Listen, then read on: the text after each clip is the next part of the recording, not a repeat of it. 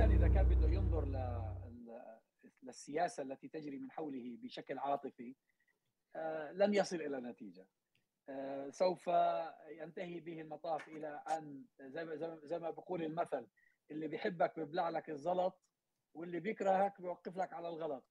سيكون إنسانا منحازا متناقضا آه، مع نفسه. والاجدر به أن يقف مع المبادئ ويحلل ما يجري بناء على المعطيات. يعني آه، لا شك أن تركيا آه، وقفت مع الربيع العربي وقفة آه، مشرفة وتذكر لها ودفعت ثمنا آه، باهظا في سبيل آه، ذلك. ولكن آه، اللي حاصل الآن ان أن السياسيين فيها أدركوا أن لهم مصالح ما عاد يجدي معها الثبات على نفس الموقف السابق. ولذلك آه، بدأت آه، تركيا تتصالح مع محيطها. آه، سواء مع الكيان الصهيوني سواء مع الدول الخليجية التي تآمرت عليها وكانت متهمة بأن لها ضلع في المحاولة الانقلابية الفاشلة في 15 آه، تموز 2016 آه، آه، فهذا هذا الذي يجري هو ما يسمى بالبراغماتية السياسية. قد ترفضها وقد تعترض عليها ولكن هذا واقع التعامل الدولي للأسف لأن في نهاية المطاف الناس آه، تتعامل مع آه، مصالح ولا تتعامل مع آه، مثل ومبادئ مطلقة. دكتور من يريد من يريد أن يفعل ذلك عليه أن يتنحى. يعني أنا يعني آه، لو لو لو كنت لو أريد لو كنت أنا في في موقف في موقع رئيس دولة من هذه الدول. واصر على مبادئي وقيمي وأخلاقياتي. آه، لا يوجد أمامي سوى حل واحد. آه، ان أن أتنحى عن عن المسيرة التي لم يعد بالإمكان أن تستمر على نفس النهج. ودكتور أنا بس في آه، اولا أحب أن أفرق بين ال ال- التطبيع أو يعني توثيق العلاقات إعادة العلاقات الإسرائيلية التركية وبين إعادة العلاقات التركية مع الدول العربية آه، بحيث يبقى واضحا بأنه التطبيع مرفوض آه، تحت أي ظرف آه، تقوية العلاقات مع دولة الاحتلال مرفوضة آه، تحت أي ظرف وهي ظرف وهي تضر بتركيا كما تضر بالقضية الفلسطينية. فيما يتعلق من جهة أخرى هناك المحاولة التركية لإصلاح العلاقات مع الدول العربية آه، خصوصا مصر والامارات والسعودية. آه، هنا في آه، آه، نقطتان أحب أن أشير لهما، النقطة الأولى أن ما يجري اليوم هو أعراض وليس المرض الرئيسي، المرض الرئيسي أن هناك محورا هزم أو هناك موجة ثورية شعبية هزمت وبالتالي من أيدها ومن حاول أن يستفيد منها سياسيا سواء سواء ايدها ل- لأجل آه، يعني آه، موقف أخلاقي أو م- لمحاولة الاستفادة منها هو الآن يدفع ثمن خسارة هذه آه، صحيح. الموجة الثوريه وبالتالي آه، كل ما يحدث اليوم إنه والله فلان حكم على النظام السوري آه، حركة المقاومة الفلانية شكرت إيران آه، ب- المحاولات التركية لإصلاح مع مصر مع دفع أثمان آه، أخلاقية كبيرة أحيانا أو حتى مع السعودية كل هذه الأشياء هي أعراض لمرض الرئيسي يجب أن نعترف اولا بأن هذا المحور الذي أو هذه الموجة الثورية التي كلنا نؤيدها قد هزمت وبالتالي الآن ما يتم هو آه، دفع ثمن. النقطة الأخرى آه، هو بس قبل ما تدخل النقطة الأخرى إذا سمحت لي فراس بس تعقيبا على ذلك. لذلك في كثير من أنظمة الحكم وخاصة في الغرب الذي يقود مرحلة وتصل إلى طريق مسدود يتنحى نعم. يعني لا يمكن أن تستمر في الحكم بمواقف مناقضة لمواقف في مرحلة صحيح. سابقة. صحيح صحيح. صحيح لكن هذا طبعا مش قائم عندنا في الديمقراطيات. بس النقطة الثانية سريعا آه، آه، يعني آه، بال- أيضا بالارتباط بما ذكره الدكتور عزام في نهاية مداخلتك الأولى دكتور وهي أنه صحيح أن ما يجري الآن هو يمكن قراءته أو تفهمه أو فهمه من الناحية السياسية آه، ومن الناحيه البراغماتية. في النهاية هذه الدول سواء السعودية أو تركيا ما هي السعودية نفس الشيء كانت برضه يعني معادية أو لديها موقف مخاصم ومعادي لتركيا. والآن يعني تريد أيضا هي أن تحسن العلاقات بغض النظر مين بدأ. يعني في النهاية هي علاقة من من جهتين وبالتالي السعودية ستغير موقفها أيضا. هذا شيء وشيء متفهم وربما بديش أقول مقبول ولكن على الأقل نفهمه. وبين الناس اللي زينا اللي هم ليس عليهم أعباء الحكم. يعني أنت دكتور مش رئيس وأنا مش رئيس ولا حنصير رؤساء ليش ليش ليش ليش؟ ولا حنصير رؤساء مركز قروي حتى رؤساء مركز قروي ما فيه فإحنا حقيقة يجب أن نبقى متحللين من من ال الإكراهات السياسية وأن نقول الموقف الأخلاقي. أهمية ذلك أن السياسي يبقى على على أهبة الاستعداد صاحي. بمعنى هو لا يعتقد أو لا يظن بأن لديه كارد بلانش كما يقال وإنه هو لديه يداه مطلقات مطلقتان أن يديه مطلقتان ليفعل ما يشاء. دائما هو يفكر بأن هناك موقف أخلاقي. إذا الناس غير المتحللين من الاكراهات لم يركزوا ولم يكرروا هذا الموقف الأخلاقي ستصبح الخطيئة عادية. يعني عادية. حتى يصير أي سياسي حتى لا يفكر إنه ليش أنا بعمل هذا الموقف. الآن أكيد الموقف الرسمي التركي أكيد يشعر بالحرج. لأنه يدرك بأنه يقوم بموقف غير مقبول على الأقل من من من الناحية التحليلية الأخلاقية وبالتالي هو يحاول أن يخفف يعني بتلاقيه بيحاول يحط بريكات كما يقال أو كوابح لكن عندما يختفي الموقف الأخلاقي من الناس غير المكرهين بإكراهات السياسة مثل المتابعين والمراقبين والصحفيين وغير ذلك يصبح الأمر سهلا للسياسي. أنا إذا إذا ممكن يعني أنا الحقيقة في إشارة في إشارة هناك من كتب في النظرية السياسية يقول بأن الدول والأنظمة الحاكمة تتصرف كدول. والحزب يمارس دوره ويتصرف ويتكلم كحزب. والجماعات إذا كانت دينية ولا جماعات فكرية ولا جماعات ايا كانت تتصرف هي كجماعات. ولهذا النقطة الأخيرة اللي ذكرها الأستاذ فراس اللي هي مسألة مهمة. إحنا بالنسبة لنا الحقيقة ليس همنا ولا شغلنا ولا العبء علينا هو أن نبرر أو أن نسوق لقرار اضطر لاتخاذه لنقل اضطر لاتخاذه نظام نظام سياسي لازم يتعامل مع مع وضع وبيئة. هذه مسألة مهمة. ولكن في يعني بعض القضايا التي ينبغي أيضا أن تكون ضمن وأنا أنا شخصيا أعتقد أنه نعم أنا أتفهم.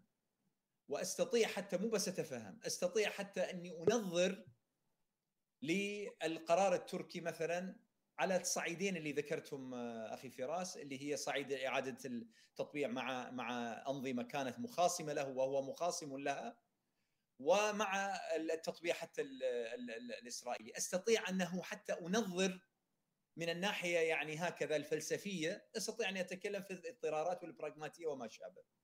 المسألة المهمة في الموضوع وين؟ اولا أنه هذا النظام الذي كان وقف موقفا ايجابيا بل موقفا متميزا خلال لنقل العشر سنوات الأخيرة ال 12 سنة الأخيرة ال 15 سنة الأخيرة خاصة وقت ثورات الربيع العربي والانقلابات والثورة المضادة واحتواء لملايين اللاجئين و والمواقف التي نعرفها جميعا.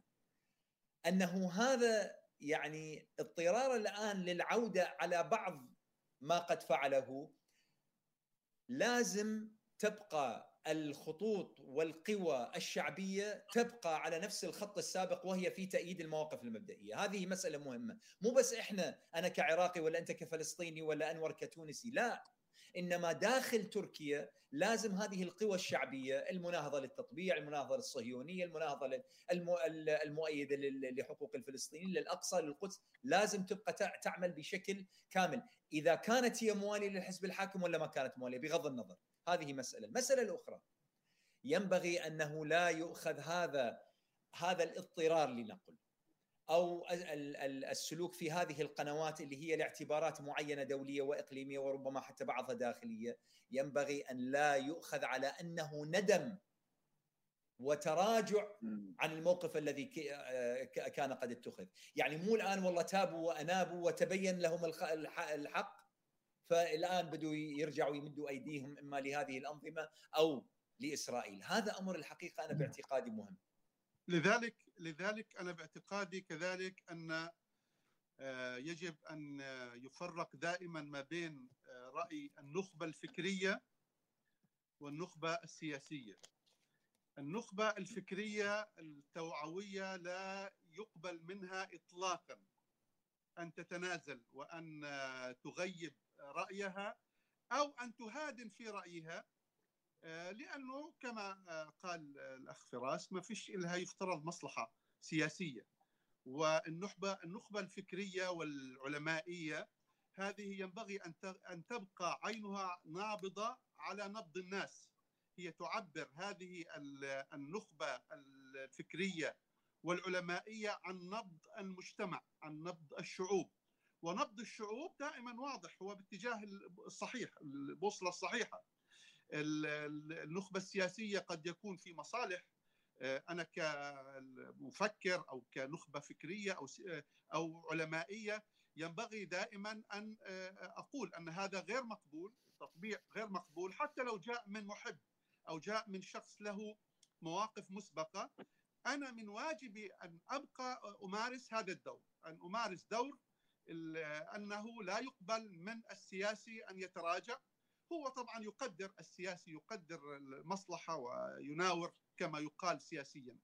المشكلة الموجوده عندنا هنا واللي يجب أن ينبه إليها ونشير إليها إنه للأسف الشديد إنه الأنظمة وبالذات الأنظمة العربية تحاول أن تجبر النخبة الفكرية والعلمائية أن تتساير معها يعني هم لا يكتفون بأنهم هم يطبعوا مع الاحتلال وأنهم يقيموا كذا بحجج مختلفة لا نوافق عليها كثيرا إنه هم مضطرين وإنه من أجل محافظة على مصالح معينة.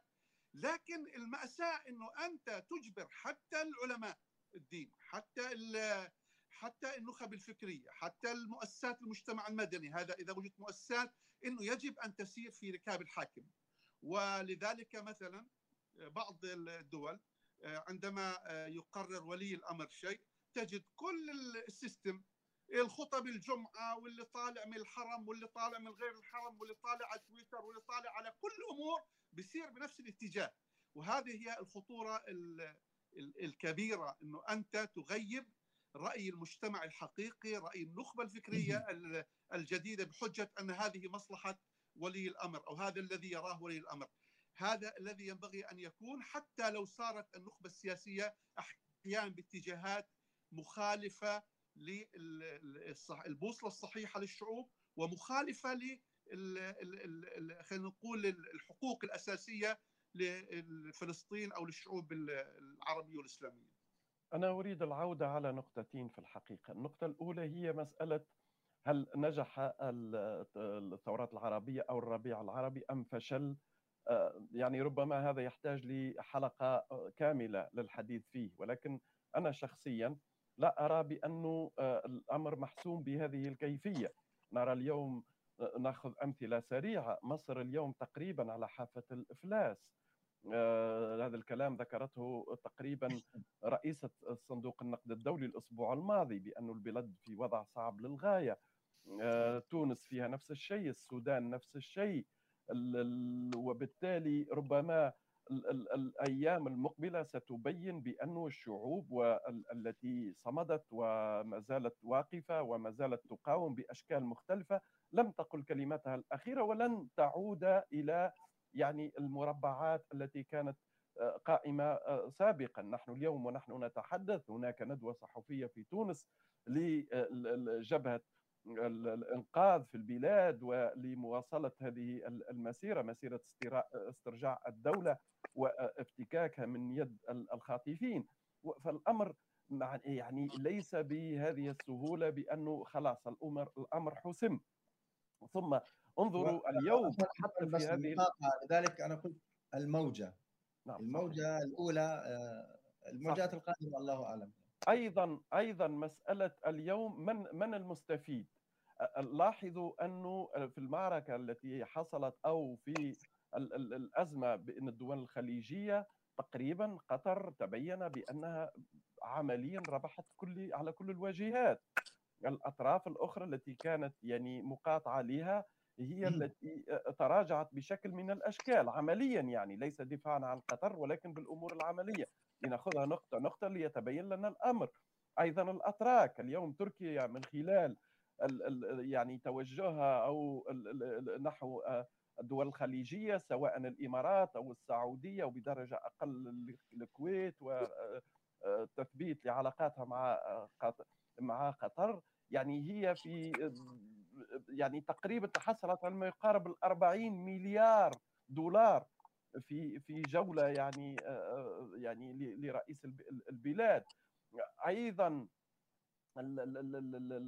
قطر حصلت على الكثير من وهي ما زالت تدعم القضية الفلسطينية في غزة في محاور مختلفة وبالتالي الحديث القول بانه هذا المحور تراجع أعتقد أنه يحتاج لشيء من التدقيق. هذا بخصوص المسألة ما هو واقع اليوم في بلداننا. الأمر الآخر وهو عندما تكون مسؤول وفي السلطة ولديك إكراهات سيدي أخي العزيز آه، عزام والإخوة جميعا يعني ليس الأمر هكذا أيضا أنه لم تكن لما تكون مسؤول في الدولة وتكون لديك آه، يعني مواقف وآراء وتقولها بوضوح الآخرون يستمعون إليك. عندما تكون ممثلا لشعبك قالها دكتور مصطفى المرزوقي وهو رئيس للجمهورية وكان واضحا في كلامه واحترمه العالم. قالها عمران خان وكان رئيسا للحكومة واحترمها واحترمه العالم. قالها الغانم رئيس البرلمان الكويتي مرارا وتكرارا ولا زال العالم يحترمه إلى اليوم. قالها أردوغان الأسبوع الماضي. قال لن نتخلى عن غزة لن نتخلى عن القدس. وهذا يعني التزامنا تجاه الشعب التركي وتجاه العالم الحر. وبالتالي يعني القول بأنك عندما تكون في السلطة وفي موقع القرار لا يمكنك أن يعني أن تعادي الجميع أو ربما تأخذ مواقف هي أقرب إلى المجتمع المدني أو المفكرين أو غيرها أرى انه هذا يحتاج لتدقيق. بالعكس العالم لا هي المشكلة يا أنور المشكلة ليست هذه يا أنور المشكلة انه أنا أكون رئيسا للوزراء أو رئيسا لدولة ولدي مواقف حاسمة ثم تأتي إكراهات وتجبرني على أن أتراجع عنها أو أو أناقضها. أنا أتصور أن في هذه الحالة التنحي من المنصب هو الأولى. على أن تناقض نفسك. تكون قد اتخذت موقفا. يعني مثلا قضية جمال خاشقجي وإغلاق ملف القضية. الأمر الذي يعني أن سيادة القانون في تركيا انتهكت. أن استقلال القضاء في تركيا انتهك لأن الجريمه حصلت عندك. وأنت كنت مصمما على أن تحاكم المسؤولين عن هذه الجريمة البشعة. ثم لأنك مضطر لأن تتصالح تأمر الادعاء أو المحكمة إلى آخره إلى آخره فيحصل تراجع 180 درجة. هنا أنا لو كنت أنا المسؤول واضطرتني الإكراهات إلى أن أتراجع 180 درجة أقول السلام عليكم. لم يعد من الممكن أن أستمر. ولهذا أنت مو سياسي ولهذا أنت مو سياسي يا دكتور عزام. ولهذا صحيح يعني, يعني هو... أنت تفكر من ناحية ثانية. لو أنه كل واحد صاحب أخلاق الله قدر له صار على رأس حكومة ونظام لو أنه والله هو كل ما وصل إلى هذا المفصل تراجع. اذا عفوا تركنا العالم السياسة عفوا حاشاكم جميعا للأوباش. يعني كما نراه اليوم للأسف الشديد. فهي إشكالية الحقيقة. يعني في نفس الوقت اللي أنا وياك ربما نسوي هذا الكلام وهذا السبب الذي يدعونا أنه أنا وياك قاعدين بالاستوديو يعني ما قاعدين مثلا بالقصر الرئاسي هو أنه يعني لكن الله سبحانه وتعالى من بواحد يعني ربما 70% من مواقفه إيجابية أحسن من من الآخرين. هذه هذه هي الإشكال هنا المعادله هاي أهمية هاي أهمية التكامل التكامل بين يعني الأدوار. هاي أهمية التكامل بين الأدوار إنه السياسي يتعامل مع إكراهات السياسيه ولكن يجب أن يظل منتبها بأن هناك عوامل أخلاقية تعمل له كوابح. لأنه وهي الكوابح بحطها الناس غير المرتبطين بالسياسة بشكل مباشر. وبالتالي تجعله هو بيخليه 70% مثل ما تفضلت. لو هذه الكوابح غير موجودة أي سياسي سيتخلى عن كل الأبعاد الأخلاقية واحدا تلو الآخر لأنه هذا هذا هو الوضع الطبيعي بين قوسين في السياسة للحصول على مكاسب. حتى الأمثلة اللي ذكرها الدكتور أنور وهي أمثلة كلها محترمة لكن معظمها الآن هو خارج السلطة. وربما من الجيد أن نذكر أيضا الدكتور محمد مرسي. الذي وقف موقفا محترما ومقدرا أثناء الاعتداء الإسرائيلي على قطاع غزة عندما كان رئيسا في عام 2012 هؤلاء للأسف كلهم خارج السلطة. هذه ليست دعوة للسياسيين أن أن يقوموا بالتنازلات ولكن هي دعوة للتكامل بين الموقفين. لكن هنا أريد أن أشير إشارة سريعة أيضا. أظن بأن تركيا لا لا لا أعرف إذا كانت واردة في حساباتها أم لا. بأنه الم... للأسف هذه المصالحات التي تجري الآن هي على السطح وليست في العمق. بمعنى أن إذا كانت تركيا تفكر كدولة وبأنها تريد أن تقوم بهذه المصالحات للحصول على 40 مليار مثل ما تفضل الدكتور أنور أو للحصول على مكاسب اقتصادية للحصول على حق استخراج الثروات في الشرق المتوسط بالتعاون مع بالاتفاق مع ليبيا واليونان والقبرص وغير وغير من هذه المكاسب التي من المشروع أن تفكر فيها الدولة. أنا أعتقد بأن الدول الأخرى لا تفكر بهذا المنطق. لذلك نجد بأنه دولة زي مصر دولة كبيرة أكبر دولة عربية الآن بدل أن تركز على الملفات المهمة مثل شرق المتوسط وليبيا تركز على مذيع طلع تكلم في على الفيسبوك ولا قناة فضائية تتحدث عن القضايا في مصر؟ يعني إلى هذه الدرجة. ولذلك أنا أعتقد بأنه هذه المصالحات بكل أسف إحنا من من من مصلحتنا كشعوب إنه تحصل مصالحات عربية ولكن على أسس عربية إسلامية ولكن على أسس جيدة وصحيحة. للأسف أن منطق الحاكم المنطق الحاكم في الدول العربية وفي معظم الدول العربية هو ليس منطق الدولة ولهذا أعتقد بأن هذه المصالحات هي على السطح وتنتظر أي عامل يعني بسيط ربما يعيدها إلى الوراء. المنظومة يا جماعة عندما نتحدث إحنا برضه عن العمل السياسي يعني هو العمل السياسي إذا كان ما له منظومة أخلاقية تضبطه بصير عمل غابة عمل وحشي عمل صحيح. ليس له علاقة لا بعدالة ولا بمظلومين ولا بغير ذلك. يعني مثلا لنكون صريحين في هذا. يعني حزب العدالة والتنمية والدولة التركية في العشرين سنة الماضية كانت ترفع المنظومة الدفاع عن المظلومين وقضية العدالة وما إلى ذلك. أنا أفهم أن أحيانا أن يكون هناك في السياسة شيء استثنائي ما يكونش هو الأساس. يعني أنت تسير ضمن منظومة أخلاقية معينة أنت حددتها لنفسك وأنت تعهدت بها أمام جمهورك الذي انتخبك الشعب. عندما ذهبت إلى صندوق الانتخابات إما أنك وعدته بمنظومة حياتية داخلية قضايا تخص الحياة وقضايا تخص النظام والعدالة والى غير ذلك وكذلك العلاقات الخارجية. ثم الحديث بعد ذلك عن قضايا مكره عليها أنت.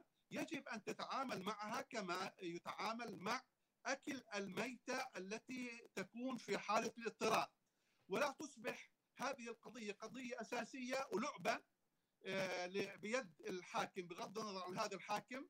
لعبة إنه يستخدمها كما يشاء وبحدود لا حدود أو بطريقة لا حدود لها. فهذا هو الميزان الذي ينبغي ان أن يزان به، القضية الثانية والمهمة إنه على الأقل إذا أنت كنت مضطرا أن تأكل الميتة كما يقال ميزان أكل الميتة الاضطراري فيجب أن تعطي في المقابل أن تعطي القضايا الأخلاقية الأخرى اللي أنت تدعمها أن تعطيها مدى أكبر. يعني لما ترغب تركيا ان تتعامل مع الكيان وبهذه الطريقة يفترض إنها الجهات التي آه، آه، التي تقوم بواجبها في فلسطين وفي مقاومة الاحتلال وفي الحصول محاولة الشعب الفلسطيني أن تدعمه كذلك بطريقة آه، يعني متقدمة جدا بحيث أنك توازن على الأقل بين ما اضطررت إليه في الجانب السياسي وبين القضية الأخلاقية. هذا هو المعادلة يعني يجب أن أنا أنا الحقيقة المسألة يعني المهمة والتي آمل أنها تكون حاضرة وأنا من متابعتي لبعض المثقفين الأتراك الذين يتكلمون مثلا أو يصرحون أو يغردون باللغة العربية أو حتى بعضهم اللي أحاول أترجم بعض تصريحاتهم.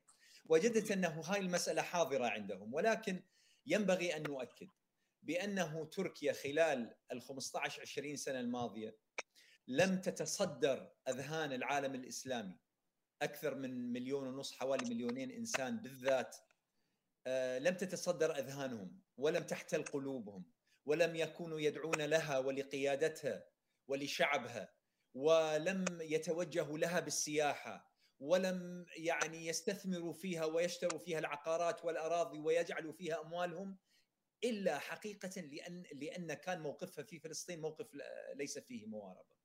حقيقة. لم يكن لأنه والله اقتصاديا كانت أحسن بلد بالعالم ولا لأنه صناعيا أذكى بلد بالعالم ولا لأنه والله الاتراك مثلا أجمل وايسر الناس بالعالم لا إنما كان